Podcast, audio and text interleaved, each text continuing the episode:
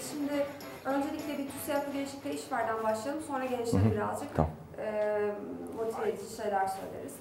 E, TÜSİAD e, bu programla girişimcilik ekosistemine ne sağlıyor? E, TÜSİAD'ın bu ekosistemde çok önemli bir rolü var. Çünkü bilgi ve tecrübe getiriyor bu sistemin içine. Özellikle genç arkadaşlarımız, bunlar daha üniversiteden yeni çıkan kişiler, saha tecrübesi yok gibi ve TÜSİAD'ın engin değişik sektörlerdeki becerisi ve tecrübesi çok kritik. E, mentörlük de alıyor bu arkadaşlarımız. O yüzden e, paradan önemli olan bu bilgi ve tecrübe birikimini TÜSİAD bu programın içine verebiliyor ki bunun parasal değeri çok çok yüksek. Yani parasının ötesinde bir değer katıyor. E, peki programı üç kelimeyle tanımlayın desem ne derdiniz? Ee, bu programda beni heyecanlandıran bir neşeli bir program. Motive ve enerji dolu bir program. Ama onun yanında bir disiplin içeriyor. Ve eğitimciler özel seçilmiş, ki ben de varım içinde diyorum. Ee, konu odaklı seçilmiş bir program. Böyle bir toplama hadi bir şey yapalım değil. Çok ciddi çalışılmış, araştırılmış ve sistematik ama yine de eğlenceyi de motivasyonu da kaybetmeden e, sunulan bir program. E, programı hazırlarken her sene aslında farklı isimleri sahneye getirmeye çalışıyoruz. Gençlerimizle buluşturmaya çalışıyoruz ama siz vazgeçemediğimiz isimlerden birisiniz. Şu ana kadar birçok e, genç girişimci adayımızla e, bir araya geldiniz. Sizi böyle e, şaşırtan, e, ilginç bir soru oldu mu ya da zorlayan bir soru? Ee, olmadı. Maalesef olmadı. Maalesef de demeyeyim olmadı daha. Çünkü daha çok yani sunum zaten ben anlatıyorum, arkadaşlar dinliyorlar. Ee, ben samimi bir şekilde gerçekleri yansıtmaya, sahadaki gerçekleri yansıtmaya çalışıyorum. Kitaptakiler değil, Silikon Vadisi hikayeleri değil, ülkemizde ne oluyor ve buranın gerçekleri ne diye. Onlar da tabii dinliyorlar. Çok interaktif olmuyor. Ee, sonrasında konuşuyoruz, tartışıyoruz. Beni çok e, offside'da bırakan bir soru olmadı ama çalışmalar ve fikirler hoşuma gidiyor. Her sene daha enteresan projeler duyuyorum. O da beni mutlu ediyor. Ama bir 5 dakikada e, çok offside'da bırakan bir soru olmadı.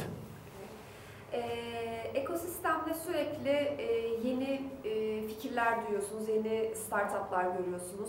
Sizi heyecanlandıran, e, son dönemde kimler var, hangi girişimler var? Ben daha çok teknoloji yaratan, daha çok akademisten çıkan startuplara odaklandığım için e, oralardayım. Dün Kahramanmaraş'tan Handan hocamızı dinledik. E, özel bir metalurji konusunda çalışıyor. Bunu Maraş'ta yapıyor bir takımıyla. Beni çok heyecanlandırdı dün. Öteki tarafta Karadeniz Teknik Üniversitesi'nde Sedat hocam var.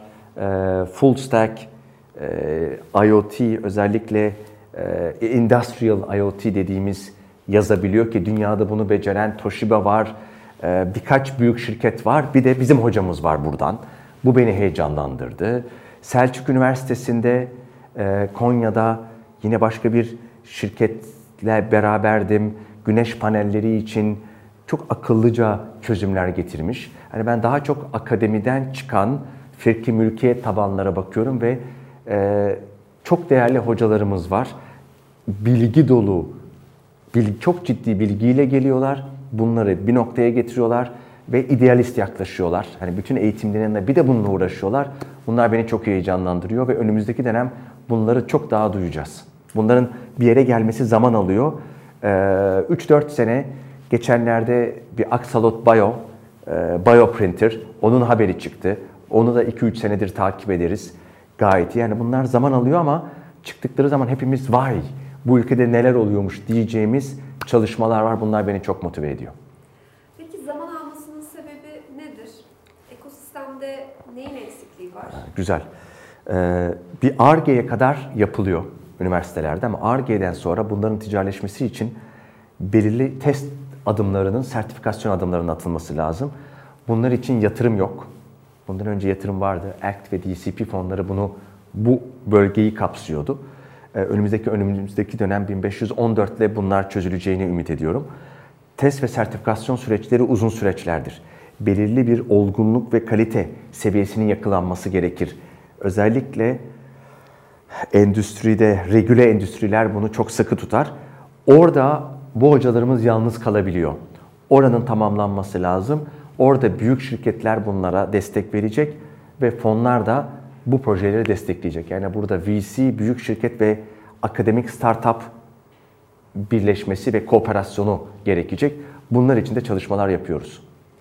Ee, peki e, dünya inanılmaz bir hızla değişiyor. Teknolojik gelişmeler e, inanılmaz. Siz bunların hepsini takip eden bir kişisiniz. Gençlere ne önerirsiniz? Ne yapmalılar? Mega trendleri mi takip etsinler?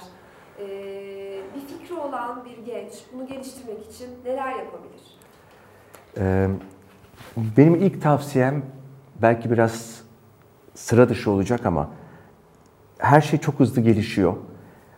Fikri de güzel, fikrini tutsun. Çünkü bu fikir çok kişide var. Ama bunu nasıl hayata geçireceği çok zor bir iş aslında. Benim tavsiyem ilk başta heyecanlı bir yerde, hızlı ilerleyen, bunları yapan bir yerde çalışması. Bir iki sene hatta üç sene çalışsın. Bu işler nasıl oluyor? Piyasada bu işler nasıl hayata geçiyor? Bir fikir hayata geçirmek için neler var? Daha çok gençler, 22 yaşında, 22 yaşında biraz daha piyasada pissinler. Bir laf vardır. In order to, to make big change, first we have to master it der. İlk önce büyük bir şey yaratacaksak oyunu boz şöyle oyunu bozmak için ilk önce oyunu çok iyi bilmek lazım. Ne oynadığımızı bilmemiz lazım.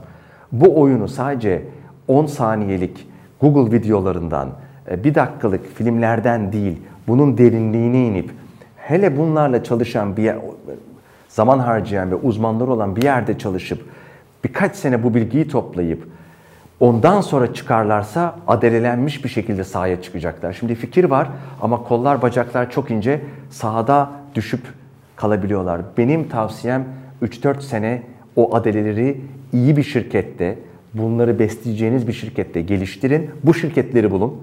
Belki o fikirleri bu şirket içinde de hayata geçirebiliriz. İlla bunları yalnız başımıza geçirmek değil, kooperatif bir şey, kolaboratif bir şekilde bunları hayata geçirmemiz lazım. Şirketler bunlara çok daha açık olmaya başladılar. O yüzden de heyecanlı. Yani kafa var, belki şirketlerde vücut var ve bacak var ve adele var ve satış kanalları var. Belki onlarla beraber koopere edip yapabilirler ama tecrübe ve bilgi, saha tecrübesi ve bilgisi bunların kazanılması lazım. Ve çok geniş bir alan var. Bu da bu tip şirketlerde öğreniyorsunuz. Kendi başına öğrenirsiniz ama yine zaman alacak. Şirkette bir yandaki odaya gidiyorsunuz, konunun uzmanı olabiliyor. Benim tavsiyem öğrenin daha 3-4 sene, 5 sene. Ondan sonra sahaya çıkın ama tam koşun. Ama şimdi cılız koşmaya başlamayın. Yarışa şimdiden girmeyin diye tavsiye ediyorum. Ya da yanınıza müthiş fikir olabilir. Tam zamanıdır. Fikrin zamanı gelmişse gitmek lazım.